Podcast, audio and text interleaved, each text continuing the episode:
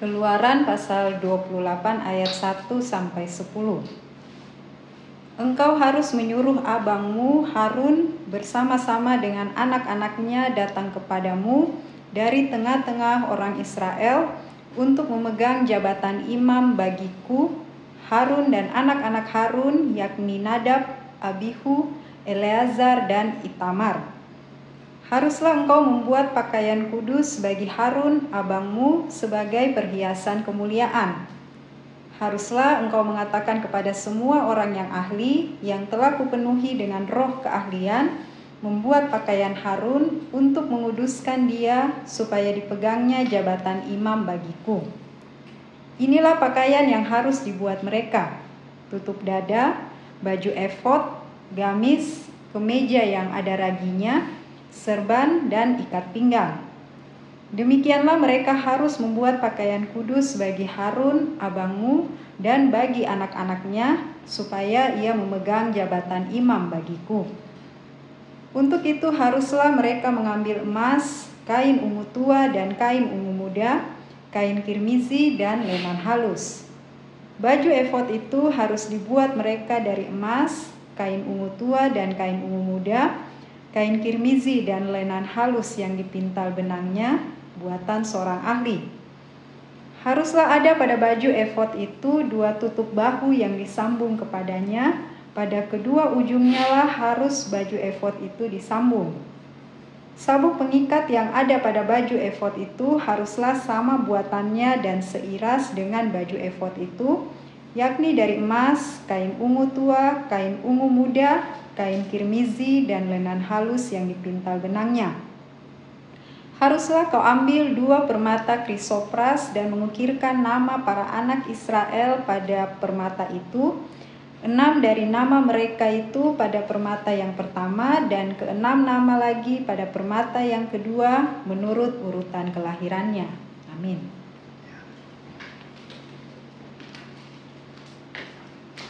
Bapak Ibu, saudara-saudari, adik-adik yang dikasih Tuhan, kalau minggu lalu kita berbicara tentang tabernakel atau kemah suci, tempat Tuhan Allah bertemu dengan umatnya, bangsa Israel, tetapi tidak bisa ketemu langsung ya orang Israel, umat pilihan Tuhan, harus diwakili oleh imam besar dan imam-imam dari pembacaan hari ini yang dipilih Tuhan sebagai imam besar yaitu Harun.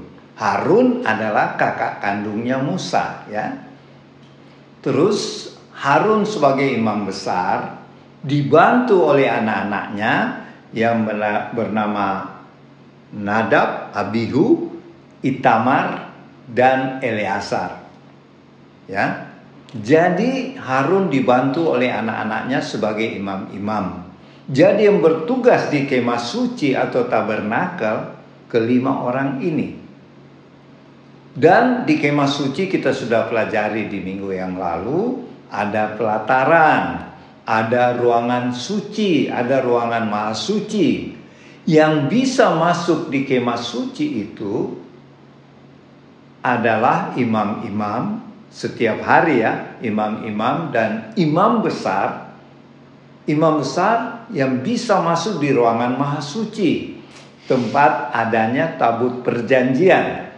Dan imam besar itu jadi si Harun ya Bapak Harun masuk satu kali setahun pada hari raya pendamaian atau hari raya Yom Kippur Kenapa pada hari itu? Karena pada hari itulah Imam Besar Harun akan memotong seekor anak domba jantan yang suci tidak ada cacatnya.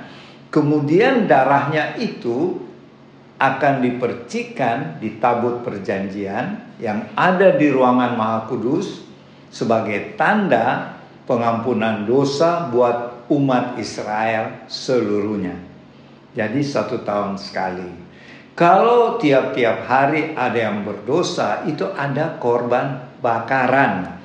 Nah, itu misalnya ada orang Israel yang berdosa, melakukan satu kesalahan, dia menghadap imam, imam-imam yang ditunjuk pada waktu itu adalah uh, Abihu, Itamar, Eliasar, dan Nadab itu adalah anak-anaknya Harun ya imam besar. Jadi masyarakat Yahudi menghadap imam-imam untuk minta pengampunan dari Tuhan melalui korban bakaran yang akan dilaksanakan oleh imam-imam ini.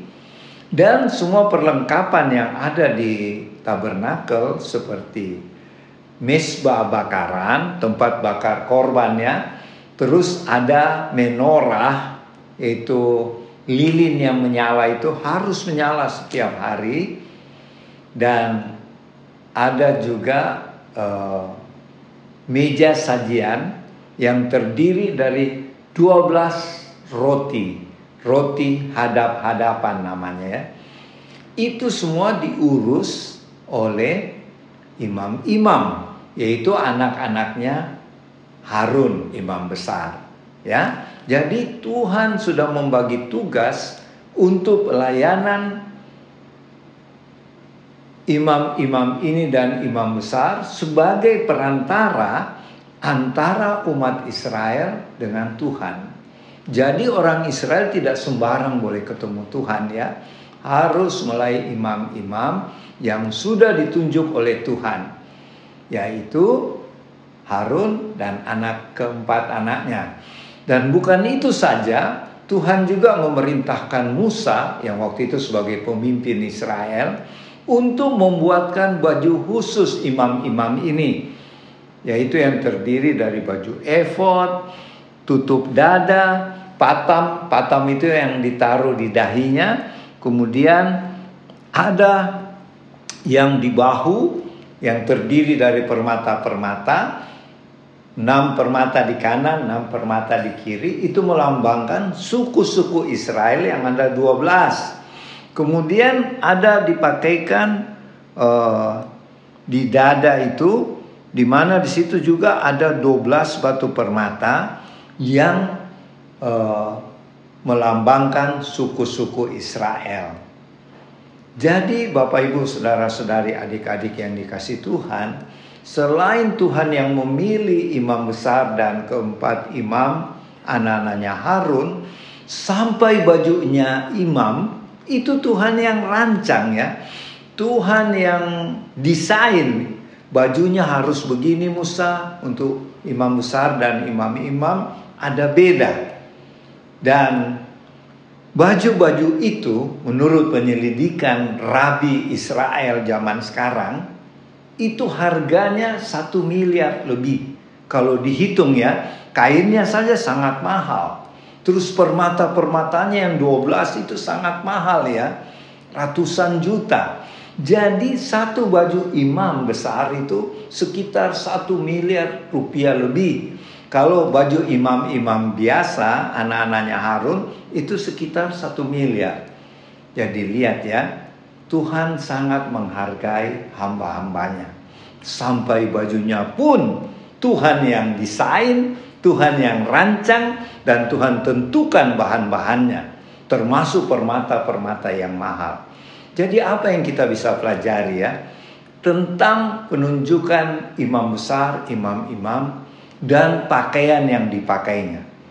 Yang dapat kita pelajari pertama, tidak sembarang orang yang bisa dipilih Tuhan untuk menjadi imam besar dan imam-imam. Itu dipilih dari sekian juta umat umat Israel ya. Dan dari suku Lewi hanya mereka lima yang dipilih. Yaitu imam besarnya Harun dan imam-imam lainnya adalah anak Harun. Dan pakaiannya lima orang ini luar biasa mahalnya ya.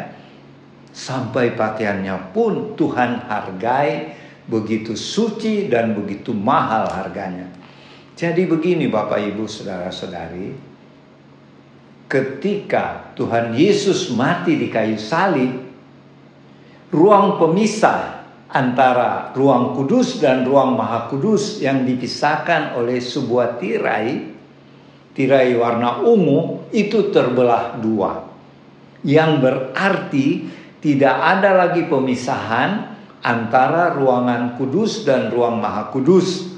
Kalau di zaman tabernakel itu tirainya itu terbelah misalnya, jadi tidak perlu lagi imam besar masuk di ruangan Maha Kudus karena sudah tidak ada pemisahan.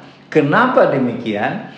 Karena Tuhan Yesus pada waktu mati di kayu salib, dia adalah korban persembahan itu, korban pendamaian itu. Makanya Tuhan Yesus disebut anak domba Allah. Anak domba Allah artinya dia merelakan tubuhnya jadi korban untuk keselamatan semua manusia di dunia yang percaya kepadanya termasuk kita. Dan Tuhan Yesus selanjutnya katakan, sebenarnya yang pertama kepada bangsa Israel ya, itu kita bisa lihat di Keluaran pasal 19. Allah sudah memilih bangsa Israel sebagai kerajaan imam-imam. Jadi seluruh orang Israel itu Tuhan mau jadikan imam. Imam bagi siapa? Bagi bangsa-bangsa lain.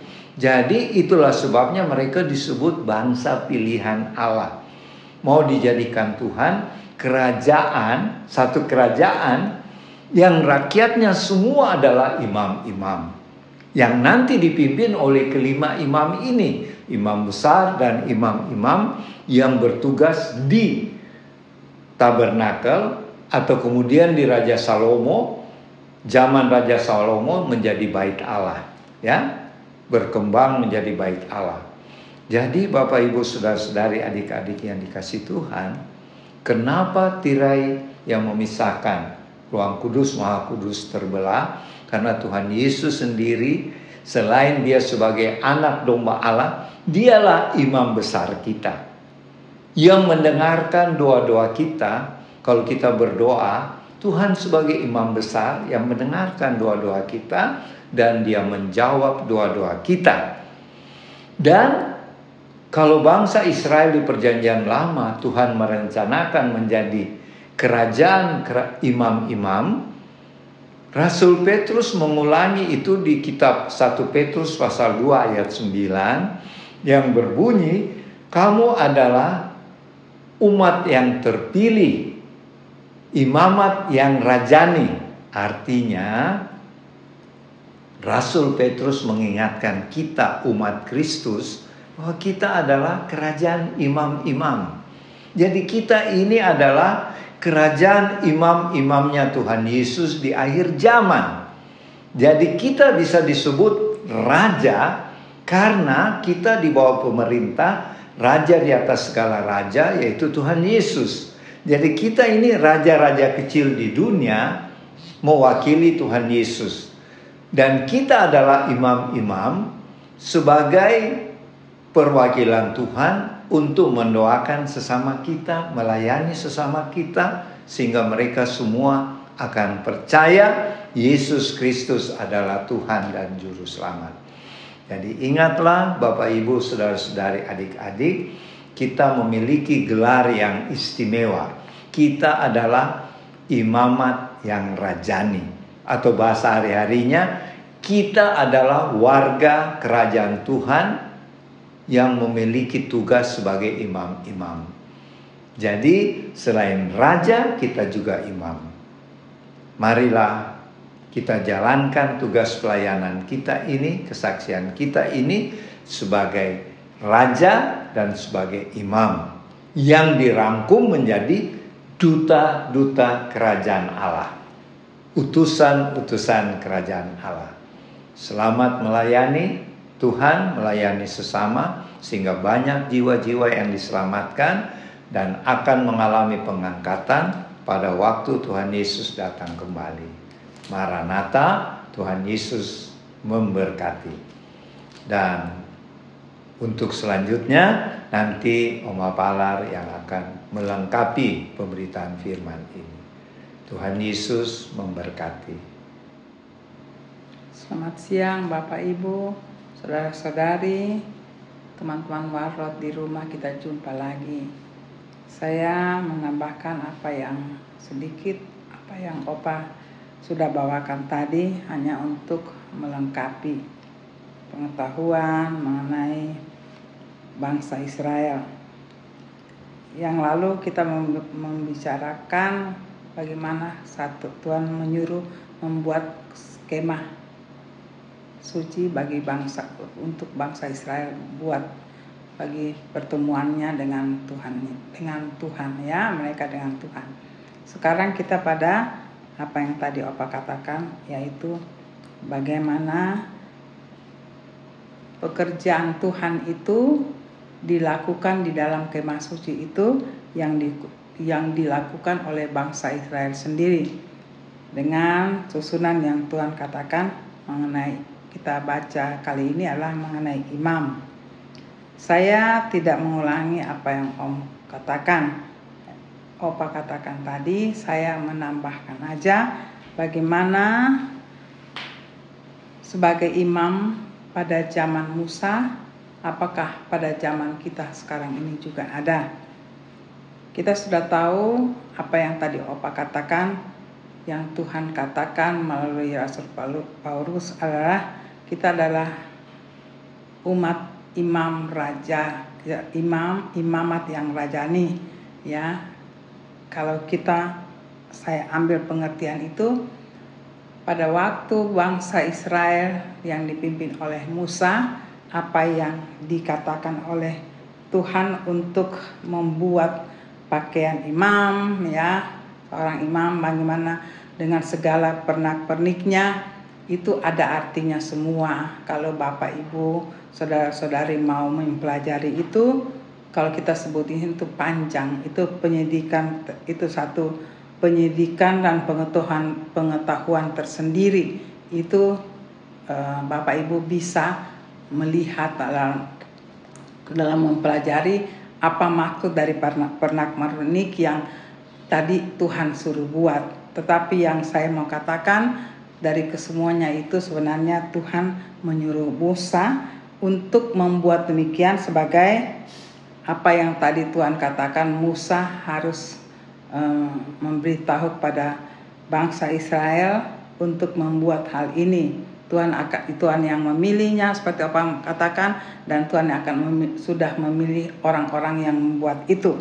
Semua apa yang di kalau saya renungkan yang Tuhan suruh buat itu sebagai satu tanda daripada kekudusan yang kesimpulan dari semua itu lambang satu bukan lambang itu tanda suatu kekudusan dari orang yang Tuhan pilih yaitu imam seperti dalam ini dalam hal ini Imam Harun dan anak-anaknya. Itulah satu tanda kekudusan sebagai perhiasan dari satu kemuliaan bagi Tuhan jadi di situ bagaimana khususnya imam itu dan anak-anaknya Harun Tuhan khususkan khususkan mereka untuk melayani Tuhan. Ya, bagaimana hubungannya dengan kita sekarang? Ya, zaman akhir ini. Yang tadi tadi sudah saya katakan, Opa katakan, Rasul Paulus mengatakan kita ini umat imamat yang rajani, ya. Imamat yang berarti apa yang Tuhan katakan diharu bagi Musa kita pun kita kita begitu istimewa untuk zaman akhirnya akhir ini karena Tuhan membuat kita adalah masing-masing anak Tuhan adalah imam. Jadi kita adalah imam. Begitu istimewanya, begitu istimewanya istimewanya Tuhan memilih kita anak-anak Tuhan. Yang dulu hanya Harun yang dipilih, tetapi sekarang semua anak-anak Tuhan adalah imam. Tapi uh, Bapak Ibu kalau kita renungkan kita hal ini itu sangat istimewa. Kita adalah sangat istimewa di mata Tuhan. Ya, Tuhan memilih kita sendiri. Mari kita renungkan dalam-dalam. Tidak ada lagi satu hal Tuhan memilih, tapi Tuhan memilih untuk semua anak Tuhan. Ya kita harus menampakkan satu tanda kekudusan. Ya segala pernak pernik itulah juga tanda satu sekaligus tanda kemuliaan. Sekarang yang jadi pertanyaan apa yang Tuhan inginkan dari seorang imam ya ada kekudusan di situ ada perhiasan kemuliaan menampakkan kemuliaan Tuhan Apakah kita bertanya dalam pembacaan firman hari ini kita renungkan apakah kehidupan kita sudah menam, sudah menampakkan apa yang Tuhan inginkan. Bapak Ibu, saudara-saudari di rumah kalau kita inginkan itu, kita renungkan itu, saya tidak katakan mudah. Kita mengerti dan harus mengerti agar kehidupan yang kita jalani dalam menjelang kedatangan Tuhan ini kekudusan itu sangat dituntut. Di situ akan kemuliaan Tuhan akan kita nampakkan dalam kehidupan kita. Tapi kita juga tahu kadang-kadang kita mau tetapi kita tidak, mampu. Ya. Karena apa? Yang pertama kita harus tahu di saat kudus di saat kekudusan kemuliaan Tuhan kita berusaha menampakkan dalam kehidupan hari-hari lawan kita adalah iblis tidak menginginkan demikian ya ketidak ketidakmampuan kita untuk menjaga itu. Tapi saya mau harapkan Bapak Ibu di rumah jangan kita selalu beralas beralas eh, beralasan bahwa ketidakmampuan kita karena kita digoda, diintimidasi dengan iblis. Ya, kita harus lawan iblis yang selalu merasuk kehidupan kita, selalu menghancurkan kehidupan kita khususnya anak-anak Tuhan sehingga apa yang kita rindukan untuk menjaga kudusan, mem, mem, menampakkan kemuliaan Tuhan dalam kehidupan kita yang sudah menjadi imam yang Tuhan berikan di akhir zaman ini. Kadang-kadang kita katakan kita tidak mampu. Ada dua hal yang saya katakan kata tidak mampu. Karena tidak mampu ada hal yang kita harus sadari. Ketidakmampuan kita karena apa? ya ketidakmampuan itu karena biasanya kesalah kita sendiri. Ya kita sangat tergoda dengan keinginan dunia ini. Sehingga keinginan keinginan dunia ini selalu menampakkan di dalam hidup kita. Bukan lagi kemuliaan kekudusan. Itu selalu merasuk anak-anak Tuhan. Sehingga itu kita selalu mengatakan menjadi alasan saya tidak mampu saya coba renungkan dan saya sekeluarga membawa pesan Tuhan ini. Kami berusaha untuk melakukan kekudusan itu. Ke, berusaha melakukan e, menampakkan kemuliaan Tuhan bagi yang Tuhan sudah berikan pada anak-anaknya pada akhir zaman. Memang itu tidak mudah karena yang kita lawan adalah iblis. Tapi yang pertama saya mau katakan yang kita lawan adalah adalah karakter kita selalulah dengan Tuhan yang pertama-tama sehingga karakter kita menjadi sempurna dengan Tuhan karena selalu karakter itu yang menjadi buka jalan untuk iblis masuk. Dan kita kurang mendekat kepada Tuhan karena kita kurang berhubungan dengan Tuhan. Kita selalu berhubungan dengan Dia. Keintiman saya kembali katakan berulang-ulang, keintiman itu menjadi standar kita dengan Tuhan. Di saat keintiman itu ada segala rambu yang kita mau lakukan untuk kita sempurna bersama Tuhan, Tuhan mampukan. Secara manusia, Bapak Ibu, itu memang tidak mudah karena kita selalu tertarik pada keinginan dunia ini. Tetapi kalau kita mau dan Tuhan tahu hati kita, Tuhan yang akan melengkapi ketidakmampuan kita. Menjadi pertanyaan, apakah kita mau? Bapak Ibu, saudara-saudari di rumah kita adalah generasi akhir zaman. Saya sangat menekankan hal ini. Keintiman membuat kita bisa kudus, Keintiman membuat kita tahu apa yang Tuhan mau dalam hidup kita. Kalau kita buat Tuhan hanya semaunya kita, senangnya kita baru kita berhubungan tidak bisa. Kita mengadakan hubungan komunikasi itu tidak bisa, Bapak Ibu, teman-teman. Walaupun enak tidak enak situasi, kita harus punya cara berpikir, cara mindset. Aku adalah anak Tuhan. Tuhan yang menentukan kehidupan kita, keluarga, pribadi Mari kita selalu bertanya, kita selalu komunikasi dengan, demikian keintiman ada. Dalam dari keintiman itu keluarlah kekudusan yang kita miliki. Kemuliaan Tuhan yang kita miliki itu terpancar dalam kehidupan kita. Maka kita adalah menjadi imam-imam yang Tuhan berikan.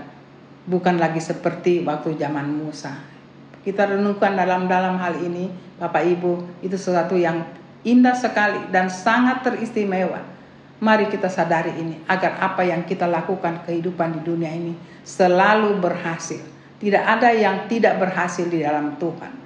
Soal lama, waktu itu bukan kita punya urusan. Waktu dan hukum adalah misteri bagi kita. Ya, tapi semua keadaan kita kehidupan anak-anak Tuhan tidak ada misteri. Sejak kita ada bersama keintiman dengan Tuhan, kita bisa bisa menapaki kehidupan ini bersama Tuhan. Kita lihat Tuhan bekerja, di situ ada tujuan. Tapi waktu yang Tuhan uh, akan tepat yang kita inginkan itu Tuhan yang memberikan jawaban ya. Karena dalam waktu itu ada kenapa lama, kenapa cepat. Karena di situ adalah didikan Tuhan. Itu sekolah Tuhan, sekolah kita bagi Tuhan untuk kita bisa melihat pribadi Tuhan itu. Makin kita tahu pribadi Tuhan, makin intim dengan kita, dengan tuh kita dengan Tuhan, maka kemuliaan, kekudusan itu nampak. Tidak ada kata tidak tidak ada kata sulit bagi Tuhan asal kita intim dengan Dia. Maka apa yang Tuhan katakan kamu adalah imamat yang rajani itu akan nampak. Tidak ada kata Tuhan tidak memberi syarat, tapi Tuhan katakan maukah engkau anak-anakku? Saat kita mau dalam ketidakmampuan kita Tuhan mampukan. Saya berulang-ulang katakan teman-teman di rumah untuk kita generasi akhir zaman tidak ada kata sulit yang sulit karena apa? Kita belum belum baru melihat, baru mau kita sudah melihat dulu yang belum kita alami. Nanti ini, nanti ini. Kalau kita mau berhubungan, berkomunikasi dengan Tuhan, mendengar apa yang Tuhan mau dengan kita, bukan Tuhan belum Tuhan belum berbicara, kita sudah melihat ke depan yang belum waktunya. Itulah yang sering menjatuhkan kita, menggagalkan kita kita berhubungan dengan Tuhan berkomunikasi. Jadi saya sarankan Bapak Ibu teman-teman di rumah kalau kita dengan Tuhan ada satu kata yang Tuhan ingin ingin katakan, maukah kamu? Pertanyaan itu saja. Maukah kamu? Tuhan cuma tak cuma ingin jawaban itu. Di saat kita iya Tuhan, Tuhan bekerja. Jangan kita bilang ya, tapi kita katakan nanti ini nanti Tuhan tidak mau yang begitu teman-teman. Pengalaman kami sekeluarga secara pribadi melayani Tuhan, Tuhan hanya mau kata iya aku mau Tuhan. Di situ ada kerendahan hati kita, kemauan kita berserah pada Tuhan, Tuhan yang tempah kita. Sesuai karakter kita, sesuai apa yang kita punya, Tuhan bersihkan dan Tuhan kuduskan kembali untuk memberi sesuatu yang baru. Ya, itulah yang saya renungkan mungkin di situ lama karena ada bekerja situ antara karakter kita yang dibersihkan Tuhan menjadi karakter Tuhan. Setelah itu Tuhan bimbing kita mengenal pribadinya. Itulah uh, buah-buah dari uh, imam imamat yang rajani yang Rasul Paulus katakan untuk kita zaman akhir ini. Itu saja teman-teman yang saya bisa bawakan bagi kita berhiaskan ya apa yang Tuhan tulis di perjanjian lama yang kita baca. Sungguh indah teman-teman orang melihat kita penuh dengan kemuliaan Tuhan dan penuh dengan kekudusan. Maka dunia ini kita bisa tundukkan karena kekudusan itu. Dunia tidak bisa tahan melihat kekudusan kita. Iblis sekali balu iblis pun tidak bisa melihat kalau kita kudus. Karena pengalaman kita kami melayani Tuhan tanpa kekudusan nah tidak bisa. Karena justru kekudusan itu iblis tidak bisa melihat kita. Iblis tunduk pada kekudusan kita. Dan dari kekudusan itu sekali lagi kemuliaan Tuhan akan nampak.